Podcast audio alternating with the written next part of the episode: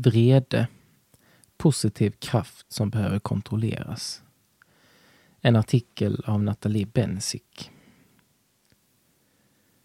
Vrede kan vara både ett verktyg i kampen för det som är gott och ett uttryck för ett okontrollerat och obefogat känsloutbrott. Allt beror på hur den används. Det är mitt kroatiska blod, sa jag. Fast övertygad om att det faktiskt var så och att all ilska jag någonsin släppt ut orsakades av mina gener.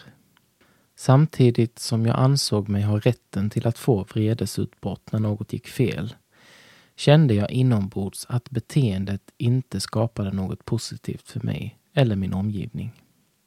Även om vreden i sig själv inte var en synd så agerade jag på den, exempelvis genom att säga elaka saker till människor omkring mig. Vredens olika former.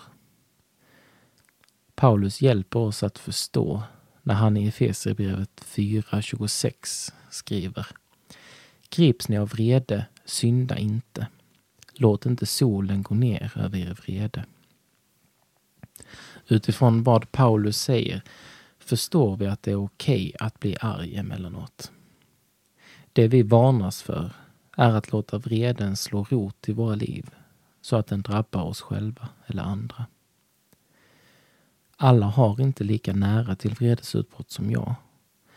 För vissa kan det handla om att man inte vill släppa ut vreden eller ens erkänna att man är arg. Istället bär man den dold inom sig men låter den pysa ut som irritation. Det är viktigt att vi gör upp med vreden genom att söka försoning med människor som vi drabbas samman med. Positiv kraft. Det är gott för oss att ha tillgång till våra känslor men vi har aldrig rätt att hämningslöst släppa dem fria. Man kan se vrede som en kraft ämnad att skydda det som vi håller kärt. Mose ger oss ett exempel på positiv vrede. Han fylldes av vrede när farao vägrade släppa folket och när Israels folk tillbad guldkalven. Mose satte sig upp emot det som var fel utan att synda. Hur kan jag göra? Att hantera vår vrede är en utmaning. Därför är det trösterikt att veta att vi får vända oss till en nådefull Gud med vårt misslyckande och vår förtvivlan. Gud ger oss ständigt chansen att få börja om. När vreden kommer får vi se till att den inte tar över. Ibland behöver man sätta ord på vrede. Ibland får man bära den själv och låta den omvandlas till tålamod. Andra gånger får vrede vara en del i kampen mot orättvisor. Många gånger är det arga människor som är med och förändrar världen till det bättre. Men kom ihåg, låt inte solen gå ner över er vrede. Vreden får inte leda till bitterhet.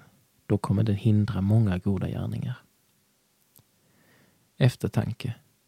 Hur kan du använda din vrede på ett positivt sätt? Hur kan du hantera osund vrede på ett bättre sätt?